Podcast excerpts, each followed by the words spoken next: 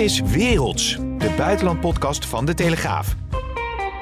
Hiervoor is één persoon verantwoordelijk. Vladimir Poetin. President Vladimir Putin of Russia has put his nuclear deterrent forces on high alert. Residential buildings and urban facilities are burning. Tonight, I say to the Russian oligarchs and the corrupt leaders who built billions of dollars off this violent regime, no more. Met Thijs Wolters en Frank van Vliet.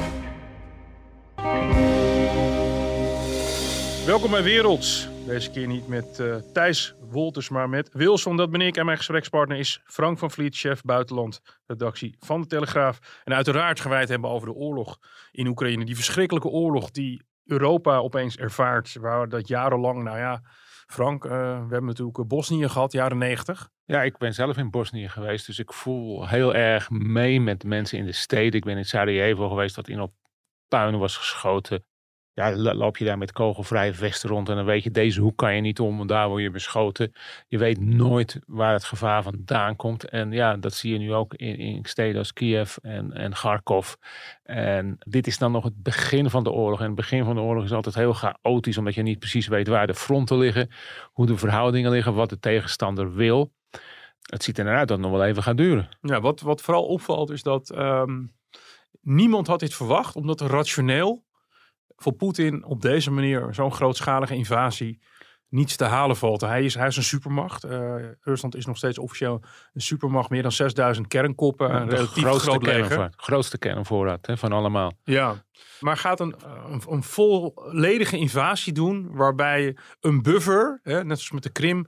Daar had je gezegd, van gezegd, daar had hij nog wel mee weg kunnen komen.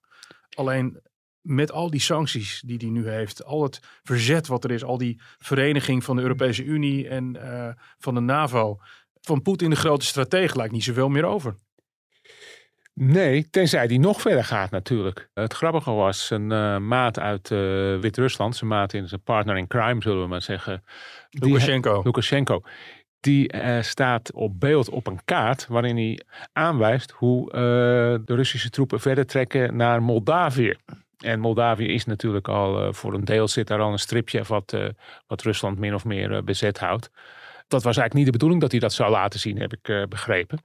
En als dat inderdaad zo was, ja, dan trekt hij op. En de vraag is, waar stopt deze man?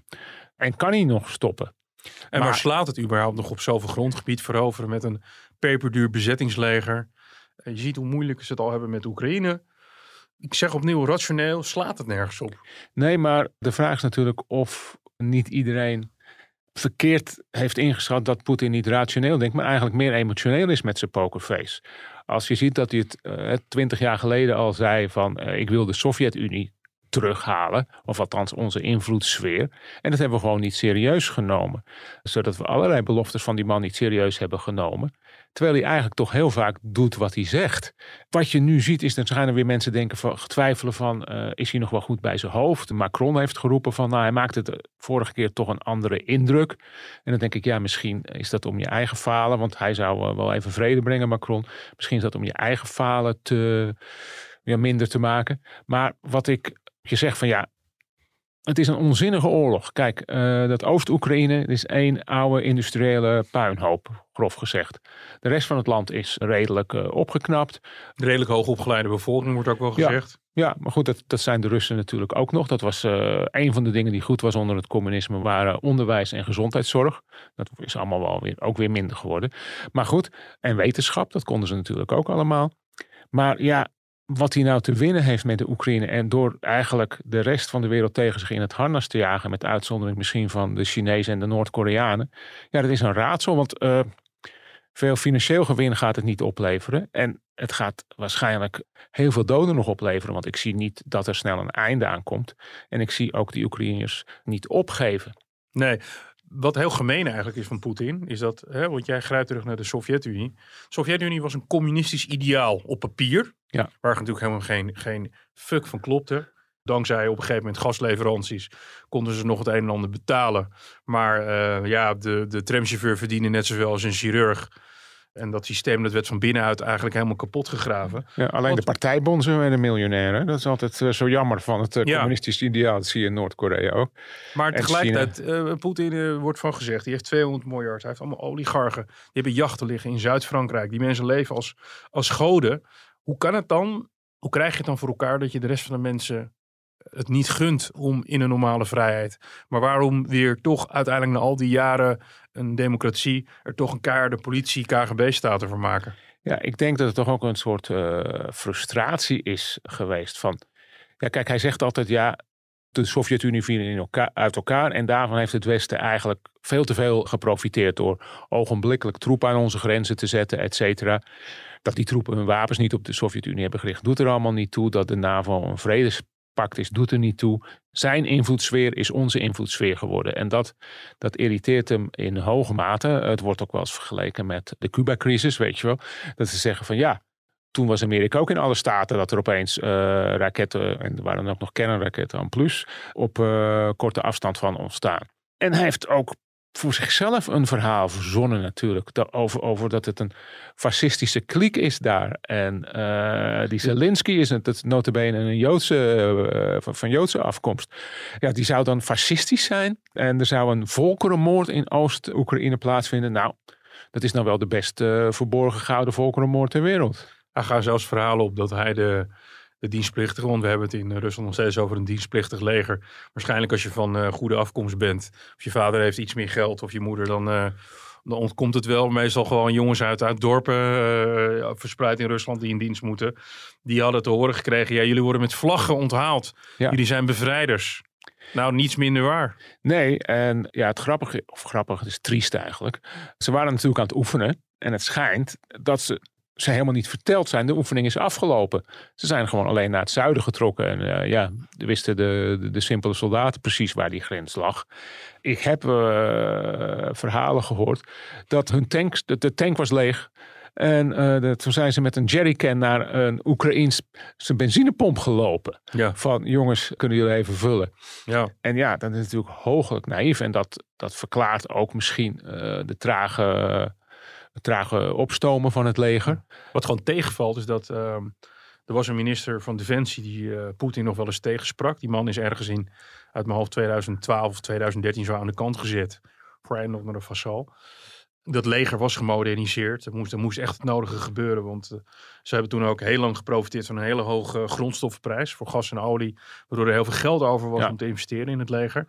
Maar als je dit dan ziet, dat je logistiek niet op orde is jonge dienstplichtigen, inderdaad kolonnes die zonder brandstof komen te staan.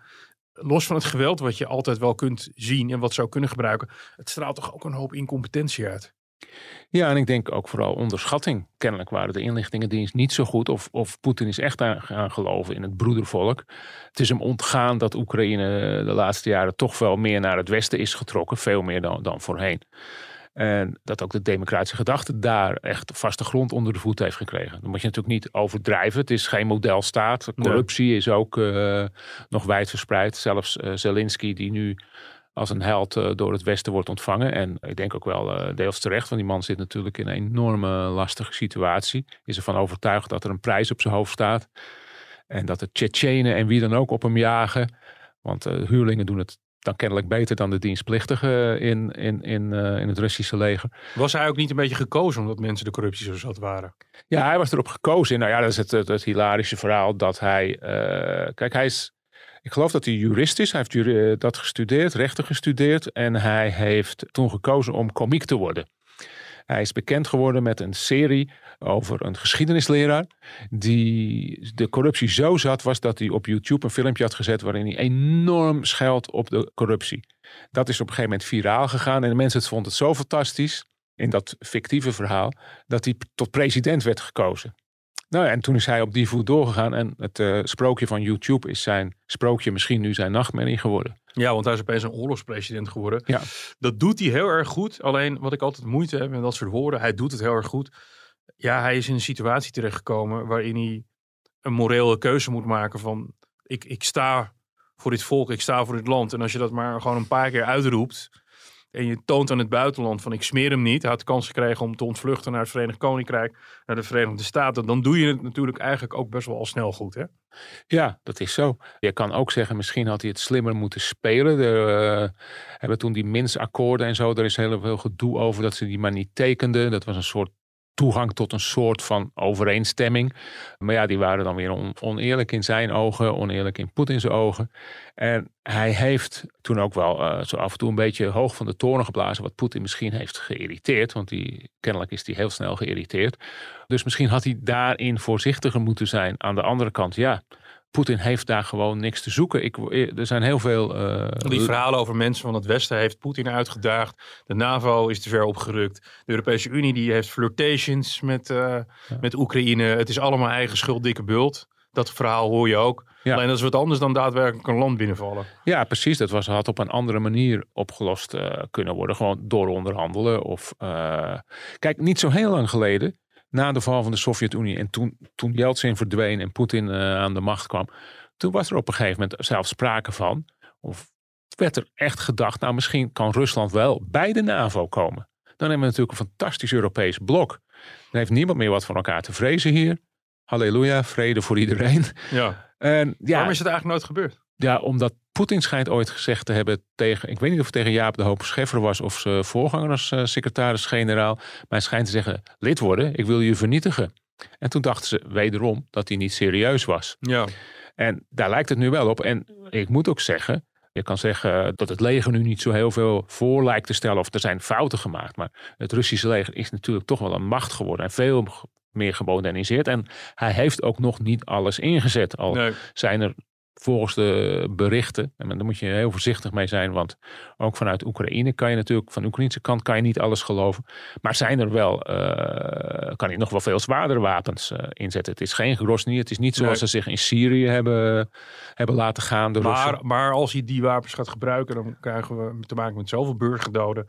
Ja. En het wordt ook allemaal real-time op Twitter gezet. Dan komt er op een gegeven moment ook een situatie waarin nu zeggen we, sommige me- verstandige mensen nog, er moet een diplomatieke oplossing komen, moet een Ja. uitweg. Maar als hij op grote schaal zoveel burgerdoden veroorzaakt, dat er straks honderdduizenden mensen dood zijn, dan is elke onderhandeling met hem eigenlijk niet meer mogelijk. Dan is hij gewoon een, een massamoordenaar. Ja, het, het, eh, internationale hof in Den Haag heeft alweer een eh, onderzoek aangekondigd. Op verzoek van de Oekraïne natuurlijk. Niet dat ik denk dat het veel uithaalt, want ze zijn er, Rusland is geen lid van, eh, van het internationale Nee. hof. Verenigde Staten overigens ook niet, hè? Nee, en Israël niet. En meer staten die, laten we zeggen, wat makkelijker in de geweldsfeer komen soms. Die, zijn daar geen, geen, geen lid van. Maar goed, het zegt wel wat over, over, over hoe, hoe ver die gaat. En dat calculerende inderdaad, want nou gaat hij met kernwapens, die zijn op scherp gezet, zeggen ze Ja. dan. Ja, wat moeten wij dan doen? De kernwapens ook op scherp zetten. Er is nu sprake, eh, Zelensky vraagt over een no-fly zone. Nou ja, maar een no-fly zone betekent dat iemand die moet controleren. Dan zou je NAVO-vliegtuigen over de Oekraïne moeten laten vliegen. Dat gaat natuurlijk ook niet gebeuren. Want ja, Biden heeft het overigens geweigerd, hè? ja, maar Biden heeft vanaf het begin af aan, en dan zeggen sommigen wel weer dat het een, eh, misschien een eh, tactisch onhandig was, gezegd: wij gaan geen soldaten leveren, we gaan alle andere sancties doen, maar geen eh, boots on the ground en geen gevechtseenheden ook in de lucht of zo. Ja. Dus ja, Poetin wist wel, vandaar heb ik niets, niets te vrezen. Misschien heeft hij de sancties onderschat. Hè? Ja, want die zijn, er wordt, wordt ook een beetje gekscherend over gedaan. En toevallig is vanmiddag het document betekend voor, voor welke banken geblokkeerd gaan worden van het gebruik van SWIFT, hè, dat, dat Ja. bankennetwerk. Maar eh, vooral die, het bevriezen van die tegoeden van die nationale Russische bank, dat is zeg maar de basis van, van de waarde van de Russische munt. Ja. En die is vervolgens met 40% in waarde gedaald. Ja, precies. En wat ik begrijp zijn toch ook eh, van sommige van die oligarchen toch ook wel aardig geschrokken. Hè? De, de, zeg maar, die altijd als vriend van Poetin worden beschouwd. Een aantal heeft ook opgeroepen, staak nou het vuren. Die zitten daar, ja inderdaad zoals je net al zei, die hebben een lekker, eh, lekker jacht. Ze hadden een voetbalclub, die hebben ze, proberen ze van de Ja. hand te, doen, zoals eh, Abramovic. Maar die hadden een lekker leven. En dan denk je van ja, nou wordt het dus door één man. Want het is, je moet het niet het is ook geen oorlog die de Russen willen. Hè? Wat ik eh, begrijp van onze, onze correspondent Misha van Diepen.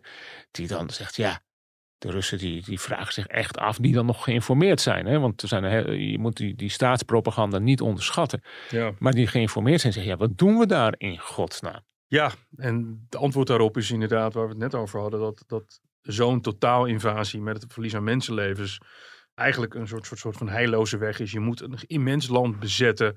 Je kan, er wordt al gezegd over een, eh, de, een van de voormalige Oekraïense presidenten die nu in Wit-Rusland zit. Die gaan ze daar als een pop, als een puppet eh, Ja. neerzetten.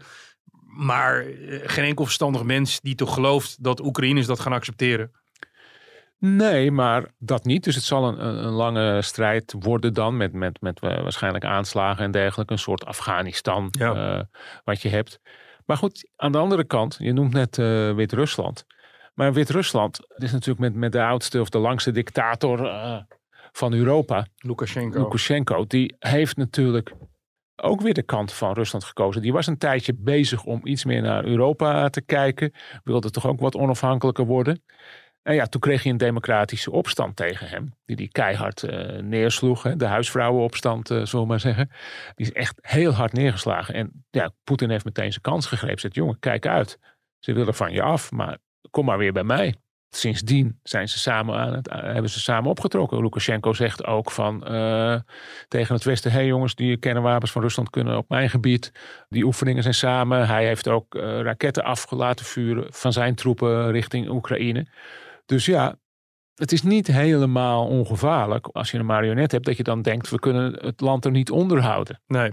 Nou, nou moeten we ook heel reëel zijn dat Rusland, die verhalen of die, die getallen worden veel genoemd. Het heeft dezelfde GDP, Gross Domestic Product van de Benelux. Ja. Een land met 140, 150 miljoen inwoners heeft net zo'n grote economie als Nederland, België en Luxemburg samen.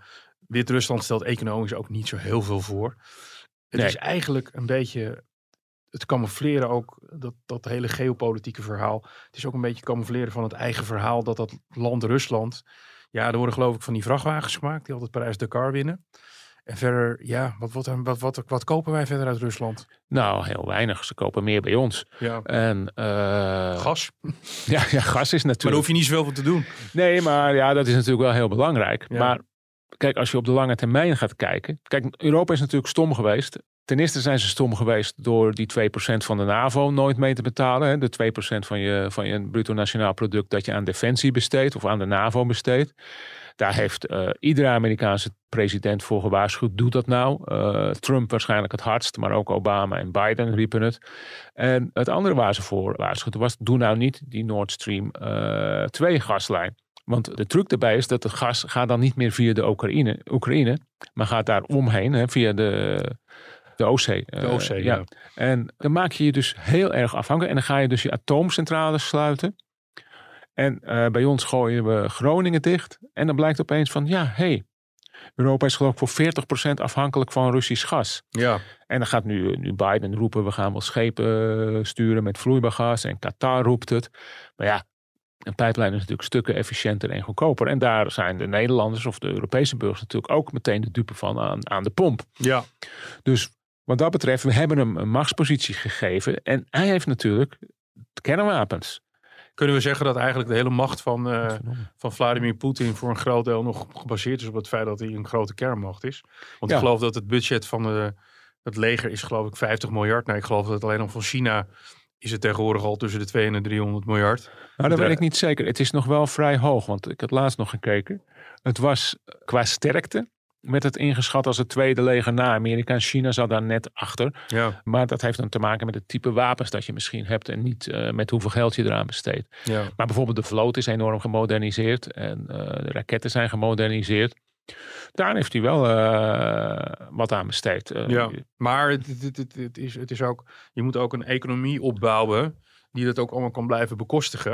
En Ja. eigenlijk moet je daarvoor een soort van, van openheid, een soort van, van, van open economie creëren.